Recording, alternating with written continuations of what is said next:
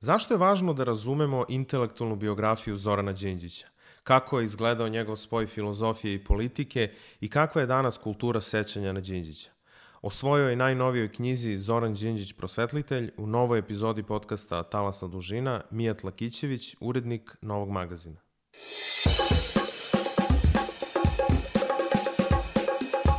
Mijate, dobar dan, dobrodošao u novu epizodu podcasta Talasna dužina. Dobar dan, hvala na pozivu. E, povod za naš današnji razgovor jeste objavljivanje tvoje nove knjige o Zoranu Đinđiću, tačnije naslov knjige Zoran prosvetlitelj Đinđić u izdanju akademske knjige koje je nedavno, nedavno izašla, pa sam ja mislio da je ovo dobar povod da porazgovaramo o samoj knjizi, da, da smestimo nekako tu knjigu u dosadašnje ove, radove o Đinđiću koje su prisutne kod nas. Naravno da pričamo o samom Đinđiću, o njegovom nasledđu, o razvoju njegovih ideja, o kontroverznim momentima i tako dalje. Ajde za početak da, da podeliš sa, sa našim slušalcima kakve su do sada reakcije na knjigu, ili ima nešto što te posebno iznenadilo? Pa, iskreno rečeno, e, knjiga je izašla tek pre desetak dana, 15, tako da e, kakve su šire reakcije publike, ja trenutno nemam, ovaj, da kažem, nikakvih podataka recimo o tome kako se knjiga prodaje i možda i zato što je avgust, e, letnje doba, ali e, uprkos tome knjiga je namerno izdata u to vreme zato što je, kao što znamo, ovaj, ovog avgusta se navršilo 70 godina od Đinćevog rođenja i hteli smo da kažemo da na taj način obeležimo taj datum. A što se tiče reakcija, da kažem, ove neke stručne javnosti, da, kako se to, da, kako se to kaže, O, ovaj, mislim, da je, da, mislim da su jako dobre i javljaju se ljudi i pozivaju me da, da gostujem, da, da nešto kažem, da, da, da dam ne, intervju ili tako nešto, tako da sam s te strane vrlo zadovoljan dosadašnjim odjekom. Jasno, jasno. E, šta te posebno motivisalo da se, da se ovim baviš? Ja sam se uvek bavio i to sad uvek, jel, mislim, ali o, pa ima već ovaj, neko vreme, možda i, i više decenija, e, kako se, e, da, da se bavim da razmišljam o tome zašto neke alternative u, u Srbiji koje su bile, da kažem, na nekoj liniji modernizacije, napretka, približavanja Evropi i svetu, dakle nekog razvoja na, na temeljima evropskih vrednosti, zašto to u Srbiji nekako stano ne uspeva? Stali imamo pokušaje i onda ti pokušaji uh, propadnu. Ja sam se lično bavio o, onim vremenom, onom decenijom iz 60. i 70. godine, to je ovaj, to su one reforme u, u socijalističkoj Jugoslaviji i padom ovaj, srpskih liberala Marka Nikizića i Latinke Perović. To sam, i time sam, time sam se bavio kroz onu knjigu o ekonomskoj politici, to je bila knjiga ispred vremena. E, zatim bavio sam se jednim sličnim ovaj, sličnom temom, a to je ovaj pad vlade Ante, i neuspeh Ante Markovića kroz knjigu o, o našoj borbi. To je bilo kako, kako smo izgubili našu borbu, to je bilo, to je bilo posvećeno uh, novini borba i našoj borbi kao produžetku, ali istovremeno je to, da kažem, uh, pokazatelj tog vremena u kome je, da. je ovaj, ta pokušaj reforme Jugoslavije propao. Uh, i, a i to isto se desilo uh, i sa, i sa Đinđićem praktično ta neka, ta neka ideja, taj pokušaj je propao, a konkretan povod bio je prethodna knjiga koju sam napisao Desimiru Tošiću, koji se inače jako bavio, koji sam po sebi vrlo zanimljiva ličnost, a sam se ovaj, je dosta pisao o, o Đinđiću. I onda, da kažem, tu mi je čak bila neka ovaj, inicijalna kapisla da se posle knjige o Tošiću pozabavi malo i Đinđića. Znači, tebe, tebe na neki način uh, uh, interesovao taj motiv zašto reforme propadaju, tako da parafraziramo naslovne knjige, ovaj, zašto narodi da, propadaju. Da, da. Jer to jeste što kažeš, pričat ćemo o tome naravno i ti u jednom trenutku i povlačiš tu paralelu negde između Nikizićevih pokušaja reformi ondašnjeg tog socijalizma i Đinđićevog pokušaja reforme ovog o, sistema koji je, koji je zatekao. A, dosta si pročitao, naravno, što se tiče literatura, e, literatura o Đinđiću. Gde bi ti smestio ovu knjigu u odnosu na dosadašnje knjige? Kakav, kakav ti je utisak o dosadašnjoj građi a, o Đinđiću? O, o Đinđiću se pisalo, ali ja bih rekao ne, nedovoljno. Ima bilo je etika odgovornosti, bilo je još o, taj, taj zbornik koji ja mislim do sada najcelovitiji, još, je, još su neki drugi ljudi pisali o Đinđiću, međutim i bilo je i i zbornika, Vukotić Medija izdala knjigu ovaj, e, Slaviša Lekić isto onu knjigu Hipoteka, bilo je još Vesna Mališić je pisala o tome, dakle bilo je, bilo je ovaj, o se pisalo, ali ja bih rekao nedovoljno, uh mhm. -huh. s obzirom na, na to koliko je on bila značajna pojava i u o, srpskoj filozofiji i u, i u politici.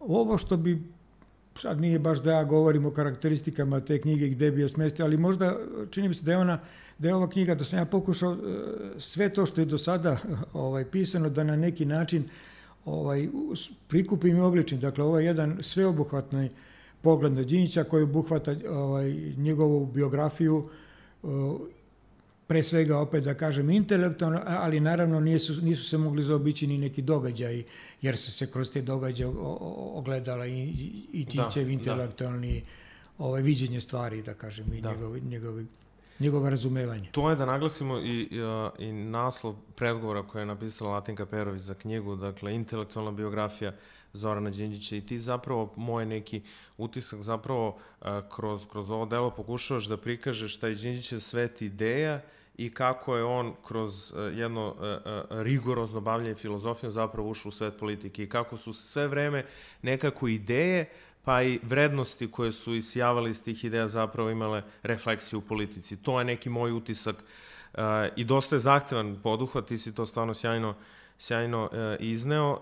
Dosta je dobar i pregled, uh, pregled dosadašnjih radova o Đinđiću, dakle, čitalac može stvarno jasno da stekne utisak i zavisno od faze koja te posebno interesuje da onda skreneš u određenu, u određenu ulicu. Um, da li je nešto, uh, da li si osjećao da ti nešto fali u pisanju ove knjige? Da li, da li misliš da bi knjiga bila drugačija da si imao pristup nečemu konkretno, nečemu posebnom?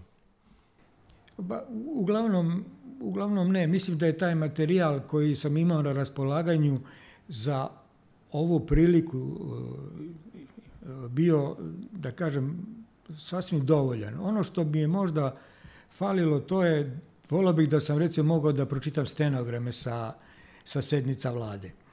E, ne znam koliko bi to moglo da se, da se iskoristi, jer prosto Đinjić je dosta, on je bio dosta otvoren i dosta je, dosta je govorio i pre svega dosta je pisao. Tako da, uh, da, kažem, možda ne verujem da bih u, u, u, u tim sednicama našao nešto bitno uh, novo, bitno, bitno drugačije. Na kraju krajeva, svi ti ljudi koji su bili sa njim u vladi, oni su ovaj, govorili i pisali o Đinćevom radu i niko od njih nije, da kažem, iznao sad nešto baš onako Znači sve što su oni imali da kažu do sada jel, ovaj, rečeno je može da se pronađe ne znam da li bi se još pronašao nešto baš onako zanimljivo u stenogramima, možda neki detalj, detalji da kažem sad nisu ni nevažni jer mogu da budu i vrlo bitni, ali Meni se čini da je ovo uglavnom, da je materijal koji sam imao na raspolaganju bio da sasvim dovoljan. A kad bi ja sad onako hipotetički malo mislio eksperiment, kad bi mogao da biraš u vezi sa nekom konkretnom temom, politikom, merom, šta bi volao da imaš kao, kao uh, potpunu izvornu građu, u smislu transkripta i ostalo? Da li ima neki detalj iz, da kažemo, sa onoga što je odlučivala vlada ili što je Đinđić konkretno lično pregovarao u zemlji ili u inostranstvu, nešto što bi volao da da, da osvetliš? Malo zahtevnije pitanje ovako, da li ti da, nešto... Da. Pa Dobro možda da- bi bilo, možda bi bilo zanimljivo to kad je bila ta, ta pobuna i crvenih Aha. beretki, pa uh, izručenje, izručenje Miloševića, mada smo dosta, i tu ima, tu ima dosta materijala, ne znam da li bi se u nekim, da kažem, tim stenogramima moglo, moglo nešto naći, ali možda iz tih nekih uh, iz tih nekih događaja da, možda bi da, bilo da. nešto. Da. tu i dalje nekako su možda najosetljivije i dalje dve političke tačke, to pobuna JSO izručenja Miloševića, jer su imali naravno ogromne i društvene i političke posljedice, ali pričat ćemo posle o tome. Da li se promenio nekako tvoj utisak o samom Zoranu Điniću dok si pisao ovu knjigu? Ti si, mislim, naravno što kažeš o ovim temama dugo, ti si dugogodišnji novinar, urednik, publicista, objavljivao si razne stvari, bavio si se naravno i Đinđićem. A da li ima nešto što ti je promenilo, pojačalo i izbledalo neki utisak? Nema nešto, e, da kažem, bitno, bitno novo ili bitno drugačije, ali ono sad, e, stvarno, e, ako nešto, me, kako bih rekao, poznao sam Đinđića i lično i dosta pročitao, ali ako me nešto iznenadilo, to je ipak to, kako bih rekao, kompleksnost i bogatstvo njegove ličnosti, odnosno to nje, nje, njegovog rada, ono što je, kada uzmete ta njegova filozofska dela, pa kada pročitate, pa kada još pročitate ono što su drugi ljudi koji su se time bavili, recimo Dunja Melčić, koja je filozof i živi u, živi u Nemačkoj, kada vidite to, Novica Milić što je pisao, vidi, mislim, uh, vidite zaista uh, jedan, uh, kako rekao, tako reći, neverovatan, neverovatan um, nešto što je u, u Srbiji zaista redkost i a, nešto što smo mi, kako bih rekao, zaboravili i uopšte to nismo imali u vidu. To je, e, to je bila i sudbina na neki način, jer on, on e, taj njegovo filozofsko delo nije doživjela adekvatnu recepciju u srpskoj filozofskoj javnosti.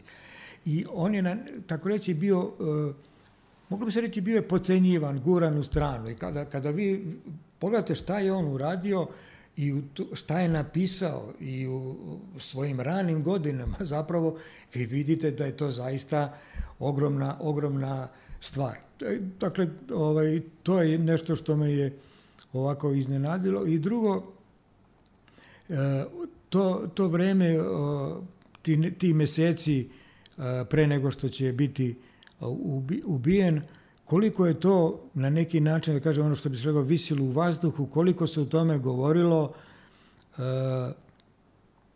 a, uh, i čak, a da se tome nije uh, posvećivala neka adekvatna pažnja. Mislim, prosto to je kao da je to bio neki, kako bi rekli, folklor, kao da je bila neka ili šala ili zabav. Znate, ovaj, ima sad ono, to, to moram da kažem, ono, kad je Tijanić napisao onu, onu rečenicu, ako Đinđić preživi, Srbija neće. Mislim, on je napisao Kiza, jel, ali to je to. E,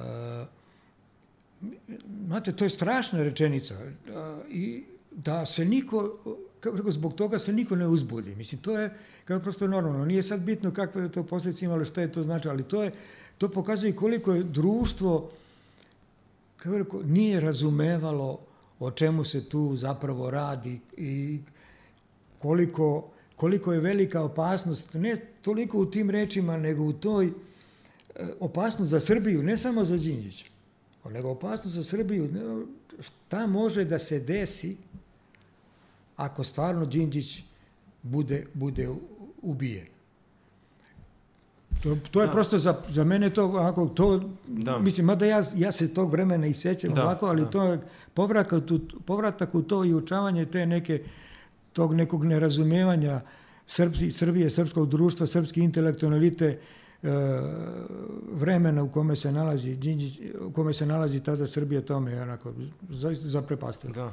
Ta, što kažeš, ta normalizacija potencijalnog zločina, znači to da se, mislim, ti naravno si mnogo aktivniji bio u to vreme i, i sećaš se svih i medijskih i političkih dešavanja više od mene, ali i kad ja sad gledam sa neke distance politikološke ovako, jednostavno to je bilo uh, što svesno, što nesvesno jedna normalizacija toga da uh, reformski pravac vlade može da se zaustavi i nasilnim putem. I da je to To jeste naravno kažnjivo, ali da je to zamislivo i da je to na neki način kroz društvo je postojalo to, te paralele uh, i to kao otprilike kad se na to nalepe i etikete izdajnik, strani uticaj i sve što je pratilo ceo, ceo taj ceo taj diskurs, onda je na neki način se dolazi stvarno do tog nekog koktela normalizacije zapravo.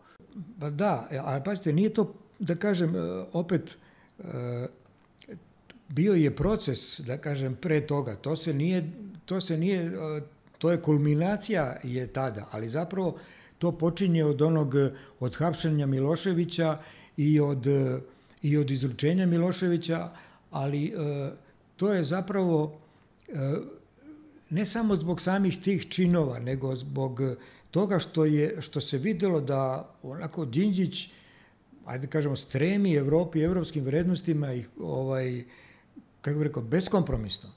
I da je on čovjek spreman da, da uradi sve što je potrebno da bi Srbija ušla u Evropu i da bi se pridružila e, Evropskoj zajednici naroda. I tu imamo posle izlučenja ta anatema a, koju je Amfilohije Radović praktično bacio na Đinjića, gde je čak pozvao na osvetu, mislim to je manje više, kako bih rekao, direktno, jer naći će se ruka koja će znati šta da uradi. Tako, znači, to je bio prosto poziv na Đinđićevo smaknuće. I to je opet, kako ga kažem, nije to ništa, kako, sve je to bilo normalno. Znači, ništa se to, niko se tu opet e, nije, nije nešto zbudio. Ovaj, Desimir Tošić je bio jedan od redkih ljudi koji je u to vreme koji je ukazao na na, na, na čudovišnost jedne, jedne ovaj, takve izjave, rekao da to u civili, civilizovanom svetu to prosto ne bi, ne bi bilo zamislivo, ne da bi reagovalo, da kažem, tužilaštvo i policija, nego bi reagovalo samo društvo osudom jedne takve izjave, ali to se, to se naravno kao što znamo nije desilo. Da, da, sledeće godine će biti 20 godina od tog stvarno strašnog e, događaja koji je prekretnica te savremene srpske političke istorije. Kako ti gledaš na kulturu sećanja na Đinđić? Eto malo o tome da pričam. Znači, s jedne strane postoji, postoje ti neki uh, postupci koji se najavljuju u smislu memorializacije spomenika koji će biti podignut. Đinđić je dobio i ulicu. Sad postoje ti neki institucionalizovani neki ovaj, pravci koji, koji se završavaju tim spomenicima, trgovima, ulicama. Postoji nešto što postoji u javnosti, u obrazovanju i tako dalje. Kad sve uzmeš u obzir ovako, kad pogledaš širu sliku, kako ti deluje kultura sećanja na Đinđića? To su sve manje više rituali. To, mm -hmm. je, to su neki o, o, događaji koji, e, koji posjećaju na, na Đinđića, ali da kažem ne posjećaju na ono šta je on zaista mislio, šta je značio, šta je uradio. Dakle, mi nemamo... Uh, mi nemamo rasprava o, o, o filozofskom delu Zorana Đinjića, o političkom delu, o njegovom uticaju, o njegovim, o njegovim idejama, ako hoćete o njegovom intelektom razvoju, političkom razvoju, o tim nekim događajima koje ste rekli da su kontroverzni. Zašto se o tome ne bi, da kažem, razgovaralo šta to znači? Ako, šta god da je to poseta e, Karadžiću na Palama, izručenje Miloševića, ove, šta god. Znači, nema... E, Znači, mi se e, suštinski se ne bavimo Đinđićem i tim idejama, ne moraju to samo biti e, Đinđićeve ideje i nije, nije ni ideja ove knjige, da kažem, bila u tome da mi sad od Đinđića pravimo neki, da ja pravim mm -hmm. od Đinđića neki mit, niti imam, da kažem, sad tu sposobnost, jel, ali niti bi to, niti bi to hteo.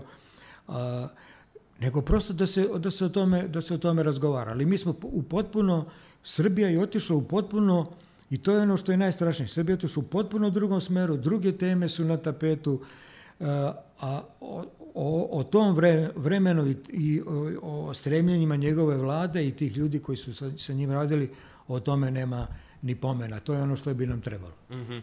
Da, ajde pričamo, to je zanimljiva tema, koliko živimo danas u Đinđićevoj Srbiji, odnosno šta bi zapravo bila alternativa. Tu ima zanimljivih i kontra nekih teza, a konkretno o spomeniku interesuje me tvoje mišljenje. Da li, da li ti se sviđa ona ideja onako malo avangardnija, postmodernija oko, oko onog spomenika koji je za Đinđića dogovoren?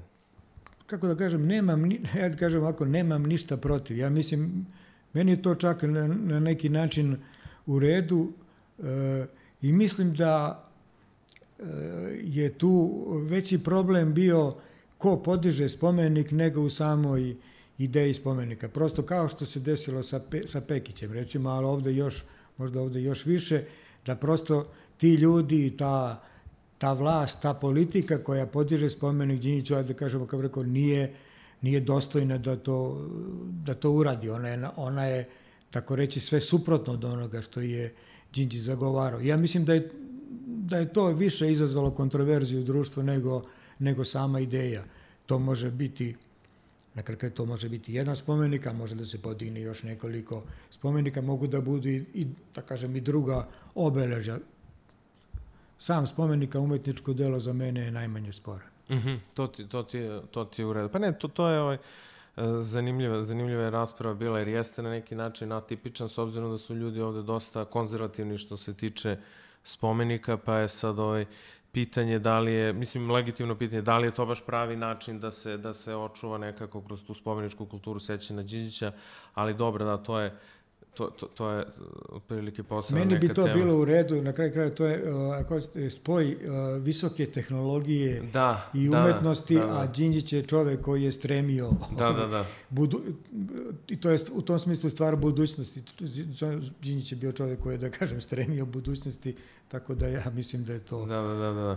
E sad ono što sam malo pre spomenuo, dakle, postoji, to je Veljko Lalić u njegovom eseju o Đinđiću, naveo da onako malo kontroverznu tezu za ljude koji su veliki pobornici uh, ideja i politika Zorana Đinđića, da mi zapravo živimo u uh, Srbiji Zorana Đinđića. U kom smislu? U smislu da su ipak ključne neke ne nužno političke ideje, ali jedno usmerenje zemlje, da su se ipak obistinile. Dakle, da je alternativa tome a, nije ono što sad imamo, nego neka Belorusija na Balkanu. Jedna, jedan sistem gde bi država i dalje upravljala dominantno privredom, gde bi kriminal bio na mnogo višem nivou nego što je sada i sve ono što je posađano sa svetom se podrazumeva, određeni vid e, zida, sankcija i tako dalje.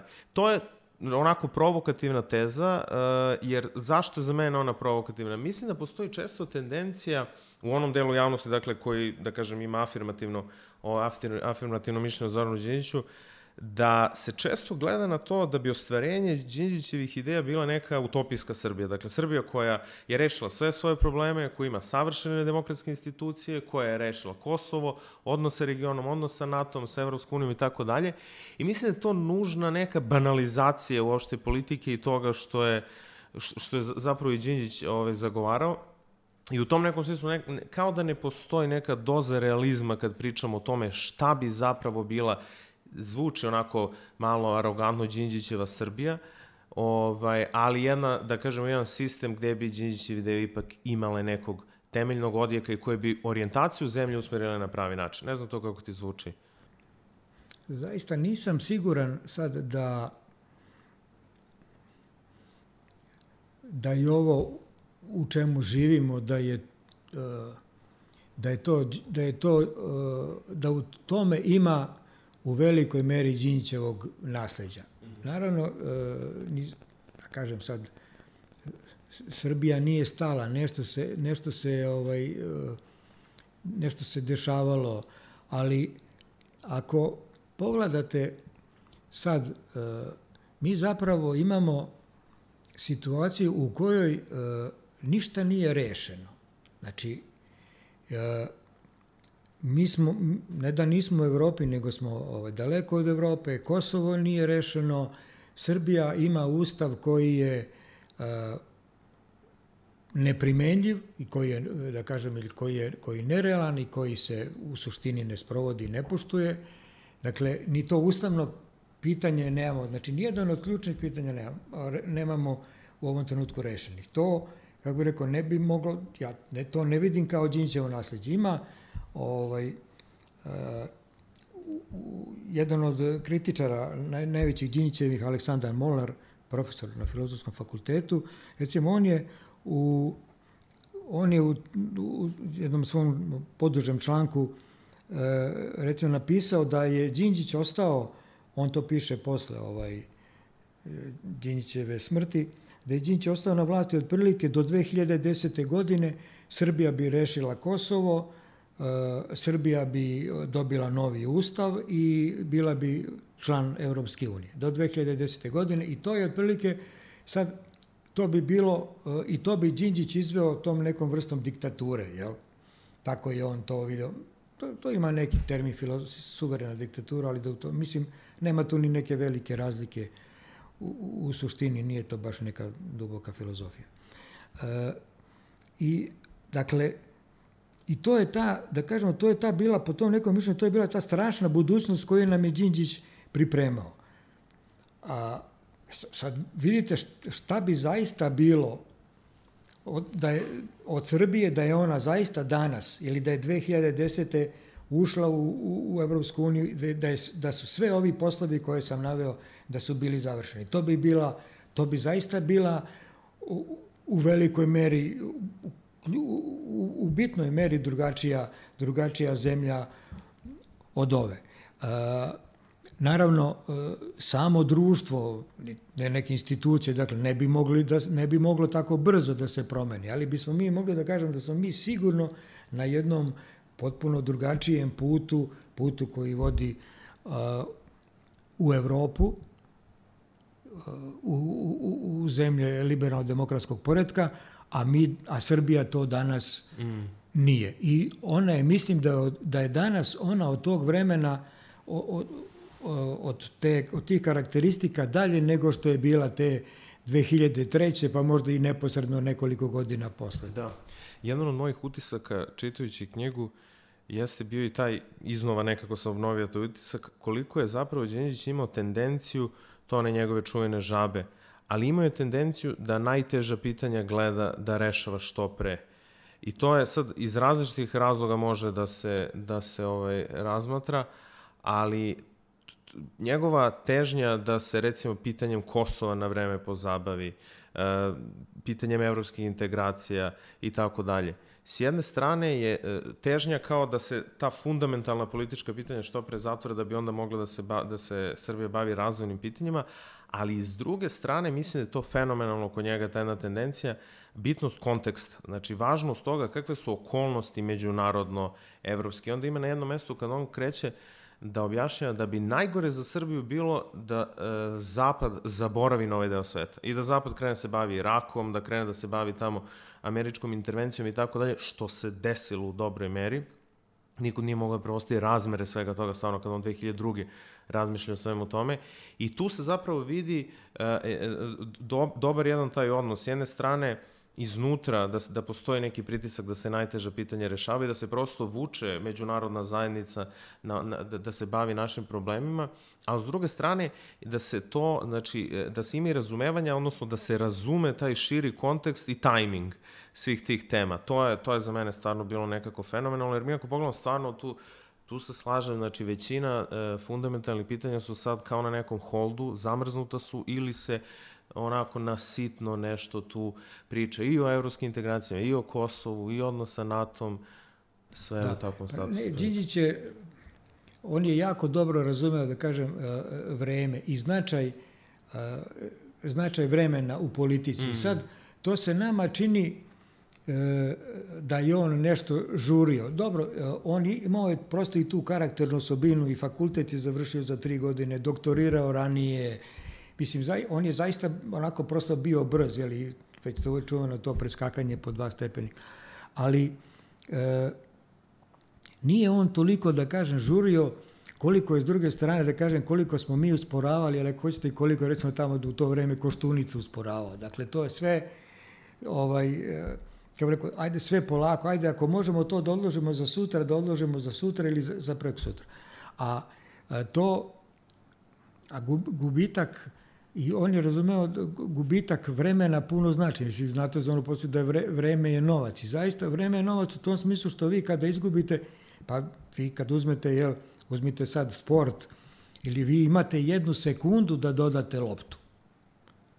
Ako niste u toj sekundi dodali loptu svom saigraču, vi ste tu priliku propustili. I zato veliki igrači su upravo oni koji umeju da reaguju u, u trenutku, onda kad je najpotrebnije da odigrate pravi potez. Mislim da je to, Đinđić je imao taj osjećaj, ali prosto, uh, tako da kažem, u Srbiji ga, pre svega politička elita, odnosno ta, uh, opet, moram reći, ovaj, Koštunica i to, to društvo oko njega koji su i to je ta neka, da kažem, ona teška Srbija, zaglavljena, koju, koju je jako teško ovaj, pomeriti i oni su tome prosto oni su tome pružali otpor i to se ovaj, I vidi se sada koliko nas skupo košta taj propušteni, propušteni trenutak.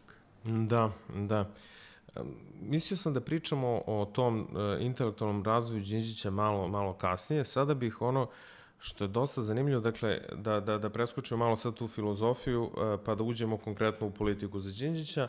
Naravno, Đinđić ulazi u jednom zanimljivom uh, političkom trenutku i nacionalno i globalno u politiku. S jedne strane, to je kraj hladnog rata. Na putu smo, dakle, da se ovaj, raspadne Sovjetski savez, da padne Berlinski zid i tako dalje. S druge strane, Jugoslavije je u takvom stanju u kakvom jeste. I sad Đinđić piše te neke prve radove koji zapravo pokušavaju da objasne karakter Jugoslavije, koje su njeni izazovi, pa će posle da pređe i na nacionalna ta ta pitanja. Šta ti je tu bilo posebno zanimljivo, recimo, kad se govori o Jugoslaviji kao nezavršenoj državi, o svim tim njegovim promišljenjem iz tog vremena?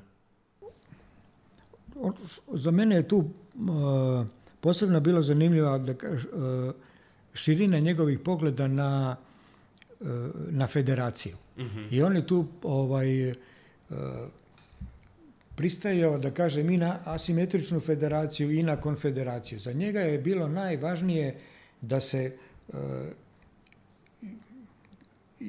da kažem, ti jugoslovenske nacije, jugoslovenski narodi konstituišu, ako rekao, da, da postanu uh, suvereni, da, da uh, zaista imaju svoj glas, a da ne bude, da ne govori jedna partija u ime svih i da se onda među njima kren, počne rasprava i da se nađe neki, neki kompromis.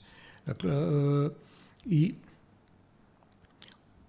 on je kada je govorio o, za njega je on, kao rekao, Jugoslavija nije, ona je bila nedovršena država u tom smislu da e, prosto nije bila, nije bila država, jer e, je u, u, drža, u, u Jugoslaviji je, su državne institucije bile praktično samo, samo fasada i u tom smislu recimo i federacija je bila fasada je, pošto iz, iza svega je stajala jedna partija koja je o svemu odlučivala i to je u tom smislu bila partijska, prosto partijska država, oni govore to da zaista ovaj, nacije treba da preuzmu ovaj, preko političkog pluralizma i demokratizacije treba da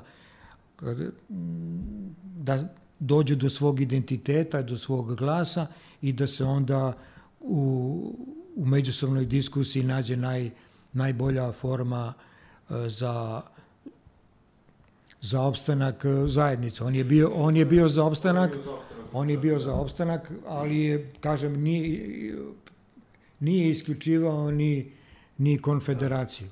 Sad kad si spomenuo identitet, pa ono što mi je posebno bilo negde zanimljivo u toj ranoj fazi njegovog političkog promišljanja, dakle ulaska u praktičnu politiku sa tim jednim jakim teorijskim porivom da, da, da, da sve objasni, da razume, Postoji jako zanimljiva ta njegova observacija o značaju simbola, emocija u izgradnji identiteta, u izgradnji tog nekog odnosa poverenja između građana i vlasti. I nekako čitajući knjigu i razmišljajući o svim ti njegovim kasnim potezima, kao da nekako ponovo imam taj utisak, kao da Đinđić nije mogao da dođe. Sad, naravno, postoje objektivni, objektivni razvoj, zaista. Stvarno sve vreme treba imati u vidu da on imao samo dve godine, otprilike, gore-dole, da efektivno imajući političku moć nešto menja, ali kao da on nije mogao da dođe do tog jednog sloja za koji uvek razumeo da je važan, a to je taj sloj emocije u izgradnji tih individualnih i ono što se kaže kolektivnih identiteta. Ta igra simbola koja je značajna za politiku. Naravno, nekako te objektivne okolnosti nisu samo vremenski tesnac koji, koji on ima, za koji naravno nije ni mogao da pretpostavi da će da bude toliko, toliko mali Imali smo pobunu, pobunu na jugu Srbije, privrednu tu krizu koja je morala da se rešava, otpis e, međunarodnih dugova i 300 neki drugi stvari u zemlji i van zemlje.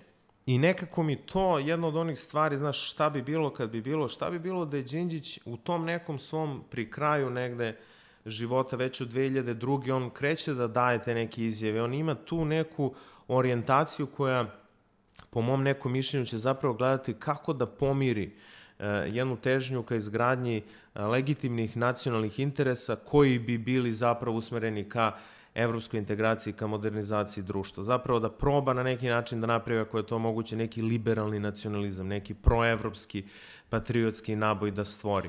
Jer to je, ono, tu, tu sad postoji neke nedorečenosti i zapravo mnogo interpretacija, to možemo sad o tome da pričamo, šta je zapravo bilo, bio taj Đinđićev, ako je uopšte to možda se nazove preorientacija na, na te, na te ove nacionalne teme, jer to nije bilo strogo kalkulantski, onako racionalno razmatranje o tim političkim i društvenim problemima, nego je to nosilo jedan određeni naboj, jel tako, jedan, jedan emotivni naboj sa sobom. Meni se čini da je e, Đinđić u, do, u dobroj meri bio i, i realan čovek, odnosno mm -hmm. on je, uh, kako bih rekao, on je poznavao Evropu, živeo u Nemačkoj, dakle on je mogao da vidi da u Nemačkoj takođe postoji nacionalizam, odnosno, aj sad da kažem da postoji uh, i možda i bolje, bolje formulisano, postoji briga o nacionalnim interesima. Znači, kako rekao, nacionalni interesi su potpuno legitimna stvar. Ne možete ovaj, ne možete voditi politiku, niti uopšte možete da ovaj, e, da se bavite javnim poslom ne vodeći računa o nacionalnim interesima. Dakle, to je nešto što je potpuno u redu. E, s druge strane, e, on je opet poznavajući dobro istoriju Srbije, on je video da i tu postoji, ovaj, kako bih rekao, znatan opet nacionalizam ili opet briga o nacionalnom interesu. I dakle, da, se, da su to stvari koje se prosto ne mogu prenebregnuti. Da se o tome mora voditi računa. U tom smislu on je ovaj nastojao da pokaže i određenu određeno razumevanje realnosti Ja se to usećam, to je baš ovaj, kada sam pisao knjigu o Tošiću, to on je posle Đinjićeve smrti opisao jedan svoj susret sa Đinjićem iz 94. godine, gde se Tošić ljutio na, na Zorana zbog toga što je, to je bilo kada je već postao ovaj, predsednik partije, što je otprilike kao malo brod taj okrenuo više ka, ka nacionalnom i, i populizmu i tako. I sad ovaj, Zoran odgovara kako je, e, kako je srpski narod nacionalist i socijalist i da se o tome, ako vi hoćete da u, to, u takvom biračkom telu, ako hoćete da osvojite neki značajniji ovaj procenat, prosto da biste mogli da utičete na, na društvo, jer ako ste stalno, on je govorio da njega marginalne partije ne zanimaju, da, da, jer ako ste na da. margini, onda vi ne možete da utičete, odnosno možete da utičete jako malo, dakle ako ćete da utičete na razvoj društva, da vodite to društvo, vi morate s jedne strane imati u vidu realnost, takva kakva je, znači morate to ovaj prosto uzeti u obzir, a naravno ne gubeći iz vida sa te krajnje ciljevi, on kaže ja takav je narod, ali i moramo tome da vodimo računa, ja kaže ja sam jer meni je najbliža socijalna, evropska socijalna demokratija i mi ćemo ka tome da vodimo e, kako da, da vodimo Srbiju. Dakle, e, to su, kako bih rekao, potpuno, u, potpuno legitimne, legitimne stvari u, u politici. Da, ako, ako hoćete da menjate društvo, vi morate imati u vidu e, kakvo je to društvo zaista, kakvo stanje u njemu, da biste na kraju, da vam se ovaj, ne bi desilo jel, da, da kao, kao u pravu, jel, ne sme, da ne bude velika razlika između, između norme i stvarnosti onda, onda norma postane nesprovodiva. Ako su vam ideali predaleko od stvarnosti, ne možete da ostvarite ideale. Da, da. Kako u tom kontekstu ti gledaš recimo na Đinđićev odnos prema Kosovu? Dakle, ono što smo malo pre spomenuli, on je, ima tu sjajan taj deo kad on kaže, kad konstatuje taj značaj faktora vremena kad kaže vreme radi protiv naših interesa na Kosovo i Metohiji. Dakle, to je jedan dosta onako jak moment gde on razume zapravo sa protoko vremena zbog mnogo faktora zapravo pogoršala se situacija i Srbije i srpskog naroda na Kosovu. Pa da, mislim, uh, to je, vidi se u njegovim, to je zanimljivo, vidi se u njegovim tekstovima, dakle, on tamo 90-ih otprilike zalažući se i on kada, kada se donosi se ustav, Zoran Đinđić kritikuje taj ustav koji se donosi 90. godine u kome se poništava autonomija Kosova, jer, jer tada kosovske Albance niko za to ne pita i on to kritikuje, prosto kaže to mora, sa Albancima se uh, mora razgovarati. Tada on govori o autonomiji za, za kosovske Albance u Srbiji, tamo negde posle deset godina, posle svega onoga što se dešavalo, on, on počinje da govori o autonomiji za Srbe na Kosovu.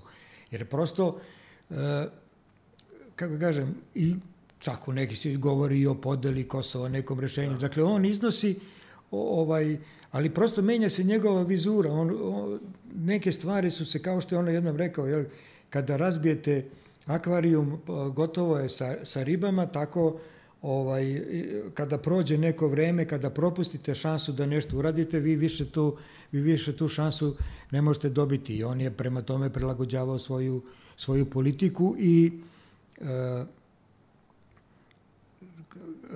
on je e, nastojao da da ponudi alternative. Dakle, ne možemo mi da kažemo on je, on je govorio i o podeli Kosova, mogla bi, ali ono što je tu bilo ključno, to je da se nađe rešenje i da se nađe rešenje koje, koje će na svim stranama doneti mir, neko relativno, relativno zadovoljstvo, jer bez, bez rešenog tog pitanja Srbiji ovaj, Srbija prosto ne može da se razvija u demokratskom ni bilo kom drugom pogledu. Da, on je, on je tu tačno uvideo i koliko je bitno da Srbija bude percipirano kao ta koja zapravo ide sa proaktivnim pristupom, jer ako se spoje ti nekako uh, negativni faktori vremena, protokom vremena Srbija koja neće ništa da radi, koja niti zna, niti, niti može bilo šta da uradi, faktički je Srbija koja učestvuje u, u produbljivanju problema. I on je nekako kao bio, bio je svestan toga da zapravo Srbija koja teži da reši problem, sad pitanje je kako će taj problem da se reši, da, da šalje drugačiji signal iz polja. Pa, A bez tog spolja da, ne može da se reši. Bio, on je bio za, da kaže, za aktivnu, aktivnu politiku i da prosto uh, da kažem, naša diplomatija, da, da Srbija na spoljno-političkom planu krene da se time bavi, krene da nameće, da. tako kažemo, da, da svoje interese, ili da ih, da ih zastupa, da govori šta su njeni interesi i da vidi šta može da se uradi. Ali, sećate, kad Đinđi izašao sa tom idejom da treba da se razgovara o Kosovu, veliki deo javnosti, Koštu, Vojislav Koštunica, jel, pre ovaj, između ostalog ili pre svih, uh, rekao je da je rano da se to pitanje otvori. Da, da. Kada je to pitanje otvoreno, onda je bilo je kasno. Da. E sad dolazimo do, do isporučenja Miloševića Hagu i to otprilike e, ono neoprostiv greh, jel tako, za najveći deo javnosti koja je nekako u tom, u tom trenutku bila, bila time ovaj, pogođena. Uh, I onda se tu stvarno povlači kroz, i kroz svoju knjigu to poređenje. S jedne strane postoji isporučenje Milošića Hagu koje je izvedeno ove, ovaj, pod Đinjićevom vladom, s druge strane Koštuničina isporučenja Hagu koji je deklarativno bio protiv saradnje, odnosno bio je za to da, da mu je to, kako rekao, poslednja rupa nasvirali, valjda. Uh, on je isporučio najveći broj generala Haškom tribunalu i pritom podstičući ih, dajući im neku vrstu subvencija da. za predaju. Podmićujući ih. Podmićujući ih. I na to se nije gledalo negativno. Tu kao da je nađen neki modus kako zapravo država da učestvuje. Šta hoću da, šta hoću da te pitam? Uh, kao da je, uh, ok, ako je već morao Milošić da se isporučuje Hagu, kao da je to urađeno, sve to što je pratilo i sam taj čin, kao da je to izvedeno na, na pogrešan način. Kao da je možda zapravo, jer znaš, na kraju rezultati su ipak oni koji se gledaju, posledice se gledaju. Koštunica jeste deklarativno bio protiv saradnje sa Hagom, poslao najviše ljudi u Hag to je ono što, kad kažeš, jeste rezultat koji je relevantan.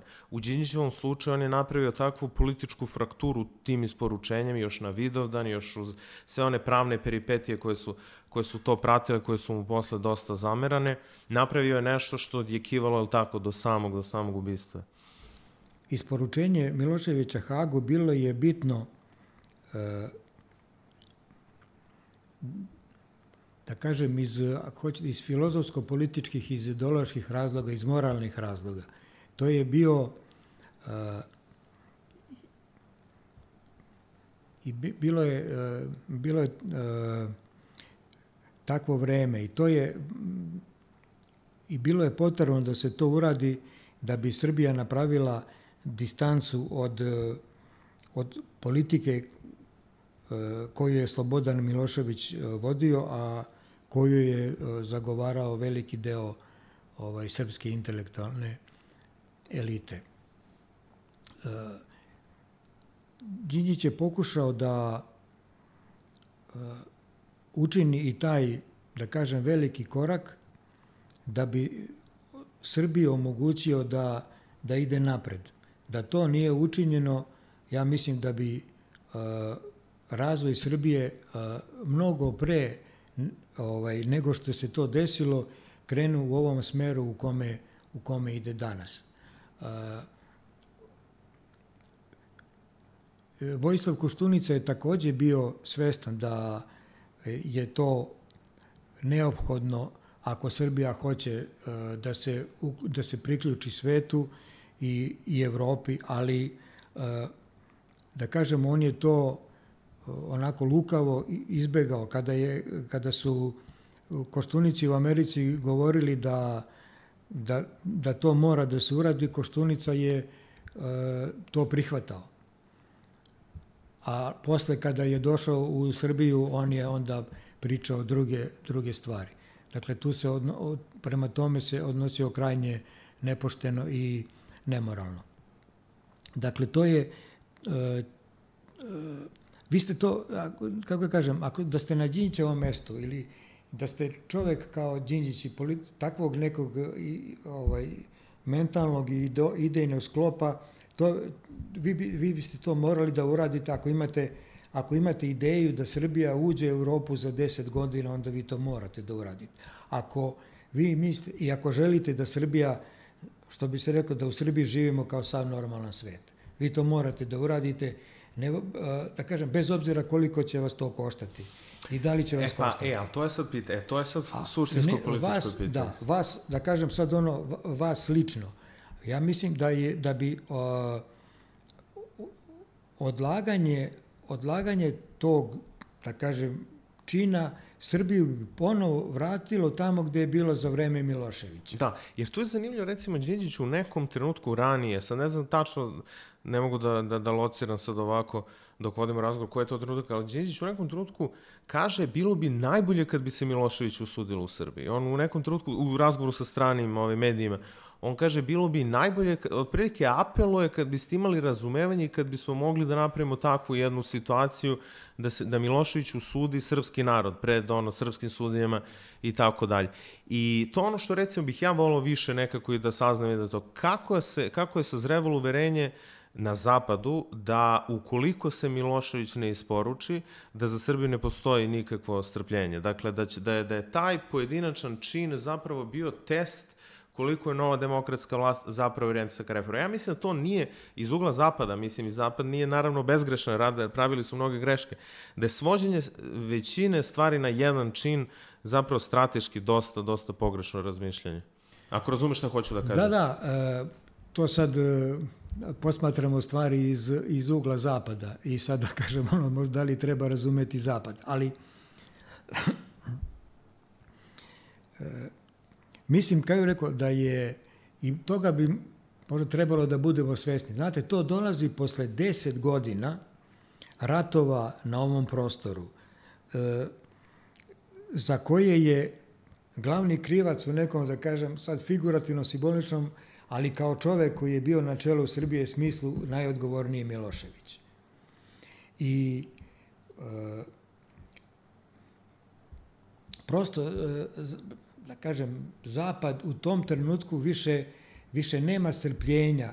E, zato, I, kako da kažem sad, nama, jel, mi možemo da kažemo, jel, kao, kao Srbi, da, da bi bilo dobro da je Zapad imao više razumevanja i da je, da nije, da kažem, Srbiju stavljao u, u, u ovaj, pred taj izbor da li da, da li da ga izruči, da li da dozvoli, ali da, da se Miloševiću recimo sudi u Srbiji, ali uh,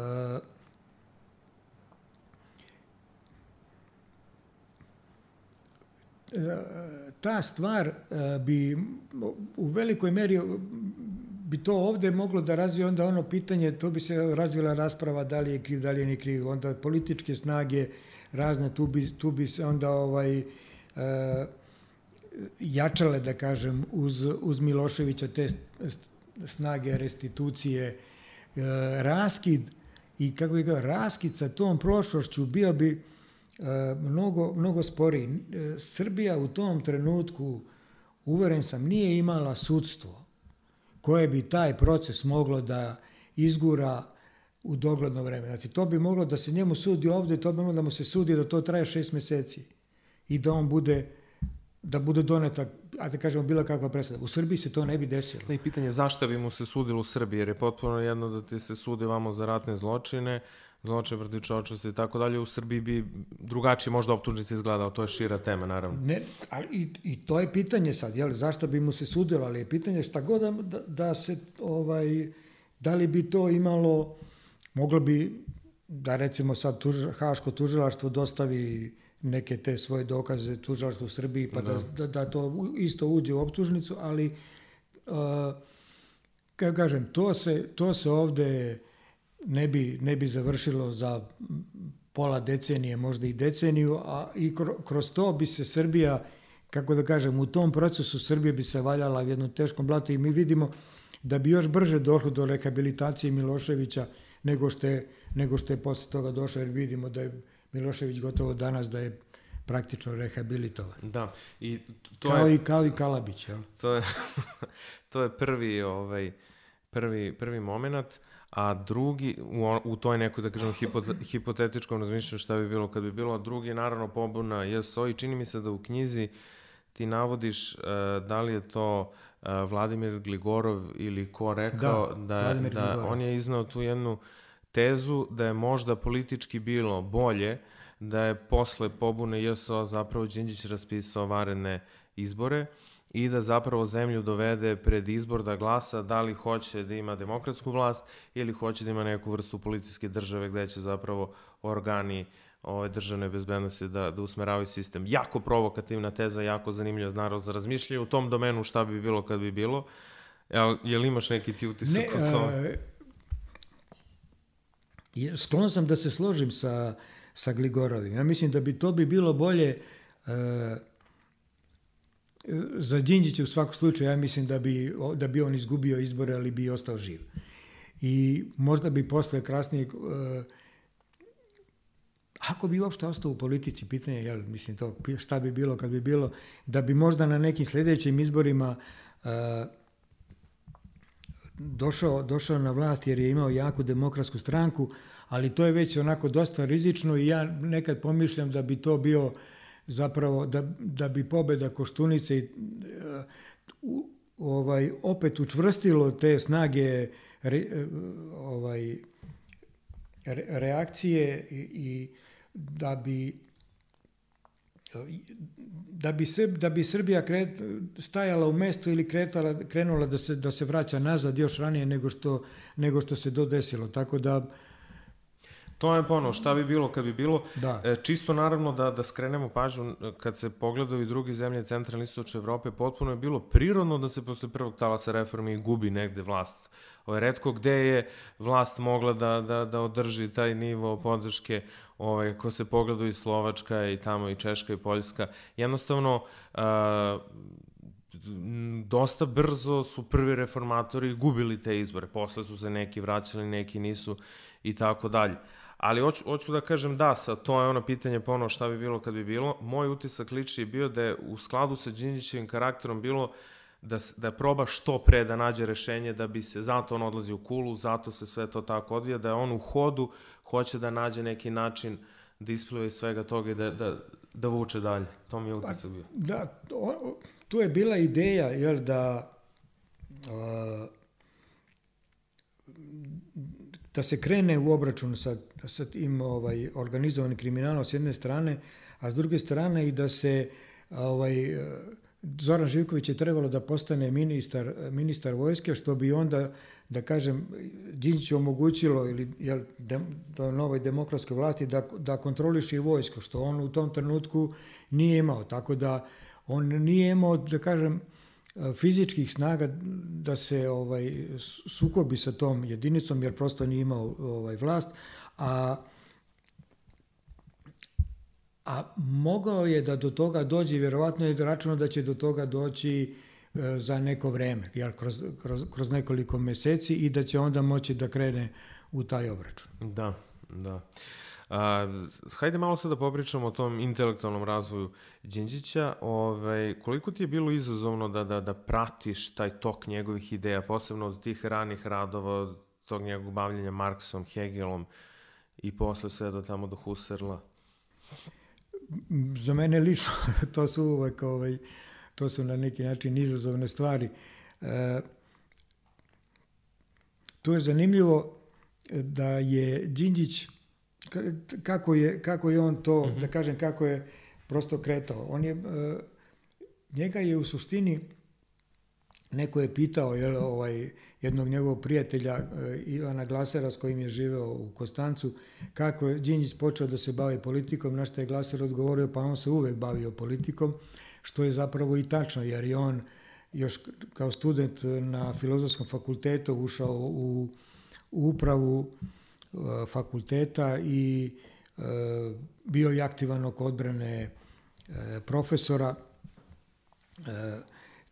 Znači, on, on se bavio politikom, ali ono što je njega zanimalo to je kako da se, ovaj, da se, kako da se razume društvo da bi politika bila što efikasnija da bi na društvo moglo da se utiče. Tako? I onda, pošto je on krenuo, tako je prosto bilo tada vreme, od, od od Marksa. Marks se tada učio, bio je i ti profesori, njegovi marksisti, praksisovci bili su ovaj, naj, najuticajniji, on je krenuo od Marksa, međutim, da kažemo, vrlo brzo je video da to ne pije vodu, odnosno da je ta Marksova teorija, kako je govorio, neutemeljena, pa se onda vratio, pa je onda se vratio izvorima marksizma, to jest nemačkoj idealističkoj filozofiji, to jest Hegelu, uh, i opet ga to da kažem, nije, nije našao odgovor na to ključno pitanje, kako je on govorio, to je ta suprotnost između, između države i društva. Jer, jer se to uvek, kako ja kažem, trebalo je naći u tom nekom filozofskom smislu pomiriti te, te dve sfere, država koja je sila i društvo koje je prosto, da kažem, koje je onako ovaj, koje je sastavljeno od ljudi, od ljudi pojedinac, koja nema.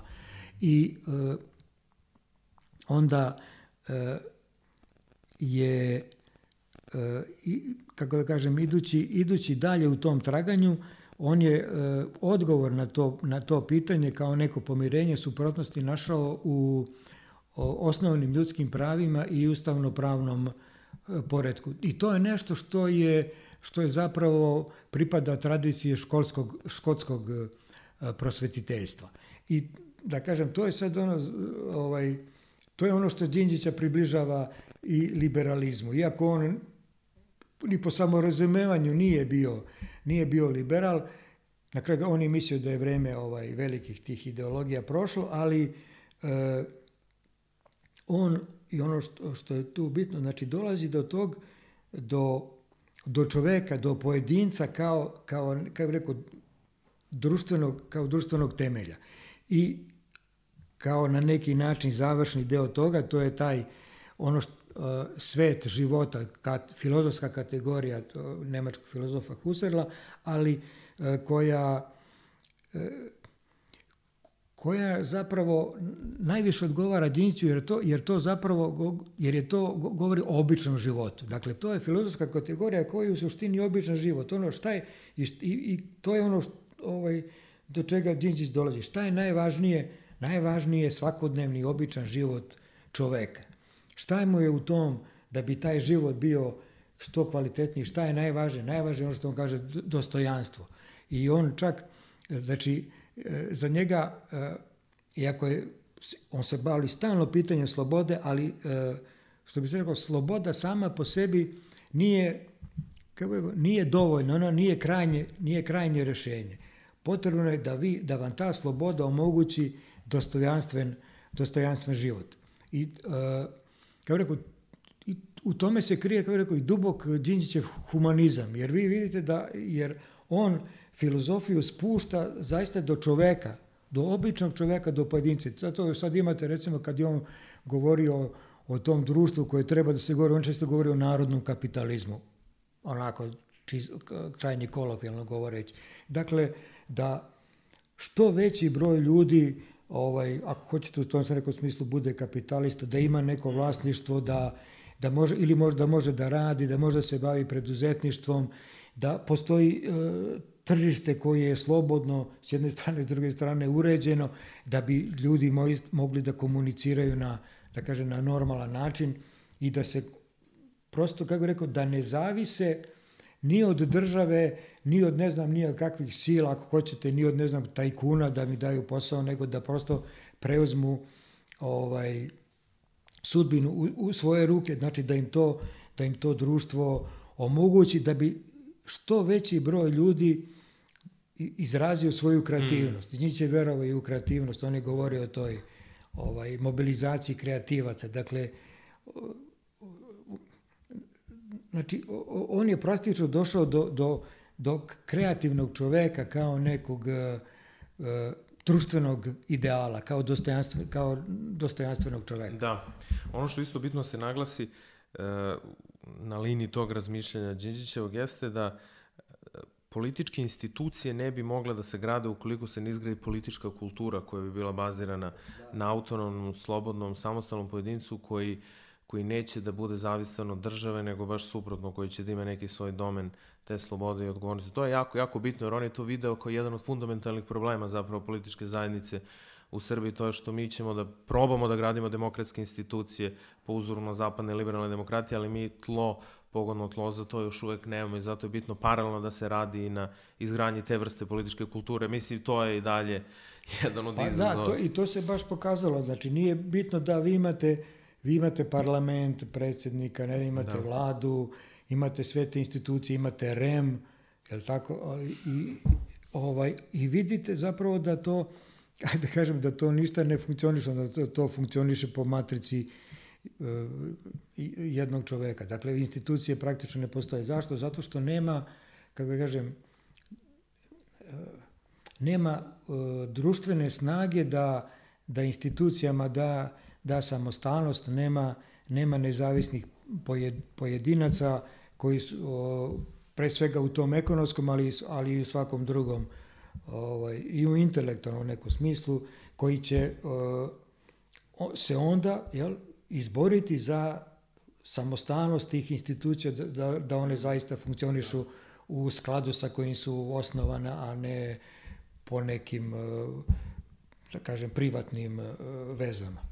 Da, to je, to je jedan od problema elita, negde oslanja se prirodno na to sve dok elite nisu nezavisne samostalno države, neće biti dobra kontrateža onome što je, što je državna moć i to je ozbiljan izazov. Ajde za sam kraj da, da, da spomenemo ono što smo ranije dotakli, dakle zašto reforme propadaju, šta je ono što bi ti uh, video kao zajedničko u uh, Nikeziću, u Marku Nikeziću, dakle iz tog perioda sa početka 70. godina i tog sukoba, takozvanog sukoba sa, sa srpskim liberalima, uh, pokušaj reforme Ante Markovića, kojima se isto bavio i naravno Đinđićev Đinđićev pokušaj. Ali ima nešto što vidiš e, kao zajedničku nit u toj opoziciji tim reformama? Različito vreme, različiti kontekst, različiti sistemi, ali zašto reforme ne uspevaju? Pa mislim da je to ajde kažem, antiliberalizam i antizapadnjaštvo. To je, u, u suštini, to je jedna, da kažem, jedna ista, jedna ista stvar. E, pošto sam se, uh, naročito mi je ta paralela između Nikiza i Ćinjića bila, da kažem, bila zanimljiva, uh, iako su, iako su vremena jel, bila uh, potpuno drugačije, radilo se samo, radilo se samo o Srbiji, da vi imate situaciju da praktično ovaj društvo u Srbiji odbije liberalne reforme opet iz, kako bih rekao, s jedne strane iz etatističkih, a s druge strane iz nacionalističkih razloga. I to se, to se isto ovaj, desilo i, i Đinđiću. Mislim, zato što ovde e, pre svega intelektualna elita nije spremna za, za konkurenciju, za kompeticiju, za, za rad. To mogu pre svega da to važi naročito za univerzitetsku elitu. E, ovde ljudi e, stalno prizivaju državu, kako kažem, i to državu u tom smislu je tako da i država plaća, da daje pare, a da oni mogu da, da rade, odnosno ne rade ono koliko, koliko hoće. I to, znači, ta ne, e, ovde, je, ovde je Bolonja propala zato što univerzitet, univerzitet nije bio spreman da uvede te uh, mere kompeticije i, i konkurencije i, mi, i zato i privatno recimo obrazovanje je na takvom tu gde, tu gde jeste.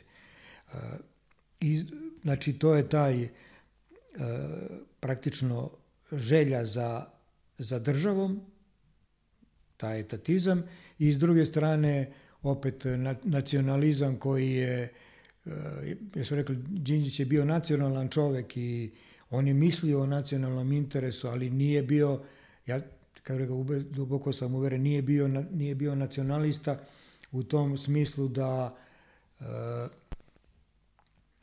da ne vidi koliko nekritički odnos prema, prema sobstvenoj, prema onome jednom većinskom mišljenju možda u, u, u naciji može e, dugoročno interesima te iste nacije omlad, omladine te, tih ovaj, naslednika da, da nanese štete.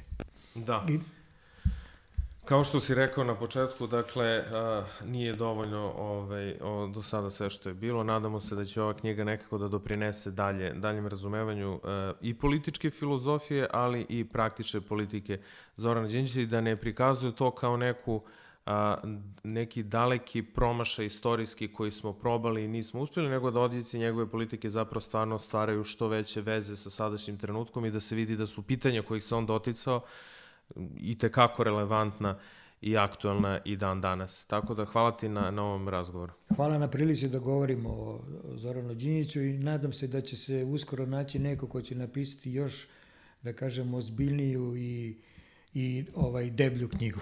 Nadamo se da. Pratite YouTube kanal Talasa i nove epizode podcasta Talasna dužina.